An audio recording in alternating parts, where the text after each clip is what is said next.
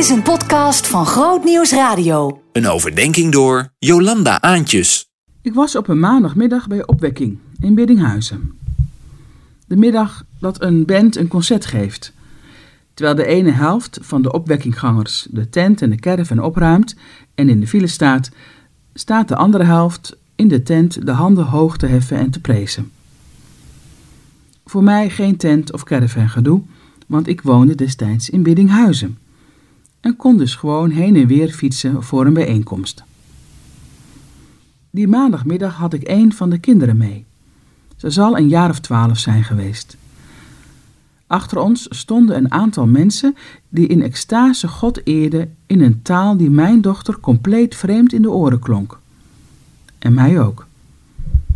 Zij keek eens om en vroeg aan mij: Mam, wat doen deze mensen nu en wat zeggen ze eigenlijk? En ik antwoordde: Ze spreken in tongentaal. Ik vond het al heel wat dat ik dit zo zei, want zoveel had ik het zelf ook nog niet gehoord. Maar aan de manier waarop en de klanken horende, was het voor mij één en één is twee. Dit moet het dan wel zijn. Mijn dochter keek mij aan en dacht iets als: Nou ja, dat zal dan wel, maar begrijpen? Niet echt. Waarop ik zei: Ik leg het thuis wel verder uit.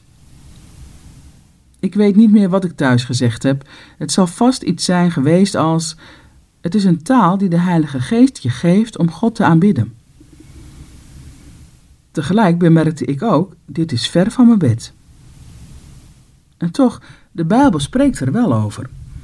In Handelingen lees je geregeld wat ook bij de Romeinse legerofficier Cornelius gebeurde. Zie hoofdstuk 10, vers 46. Na het ontvangen van de Heilige Geest hoorden de aanwezigen, waaronder Petrus, de niet-Joden, in klanktaal, tongentaal spreken. En daarmee eerden ze God. Het komt geregeld dus in de Bijbel voor, niet altijd. Laten we er geen automatisme van maken. Want bij de doop van de Ethiopiër door Filippus lees je hier bijvoorbeeld niets over. Op een dag bemerkte ik bij mezelf, ontdekte ik dat ik deze gave mocht ontvangen. Er gebeurde niets verhevens, geen extase zoals ik destijds bij de vrouwen bij opwekking zag, maar rustig in mijn eigen huis, terwijl ik de tijd nam voor gebed en gewoon begon te praten in voor mij een onbekende taal, woorden. Ik wist direct, dit is het. En met deze gave mag ik God eren. Voor mij hoort deze gave echt rondom het gebed. Het verdiept de verbondenheid met God, met de Heilige Geest. Het doet mijzelf mij richten op Christus. Zo werkt de Heilige Geest. Juist Christus verheffen, Hem centraal stellen. Het is een gave die ik dan ook niet zomaar hardop in openbaarheid zal laten horen. Wel denk ik dat we om deze gave mogen vragen bij God.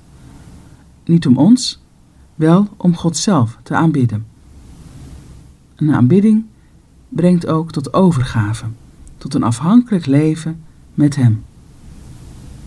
Eer aan de Vader en de Zoon en de Heilige Geest, zoals het was in het begin en nu en altijd en in de eeuwen der eeuwen.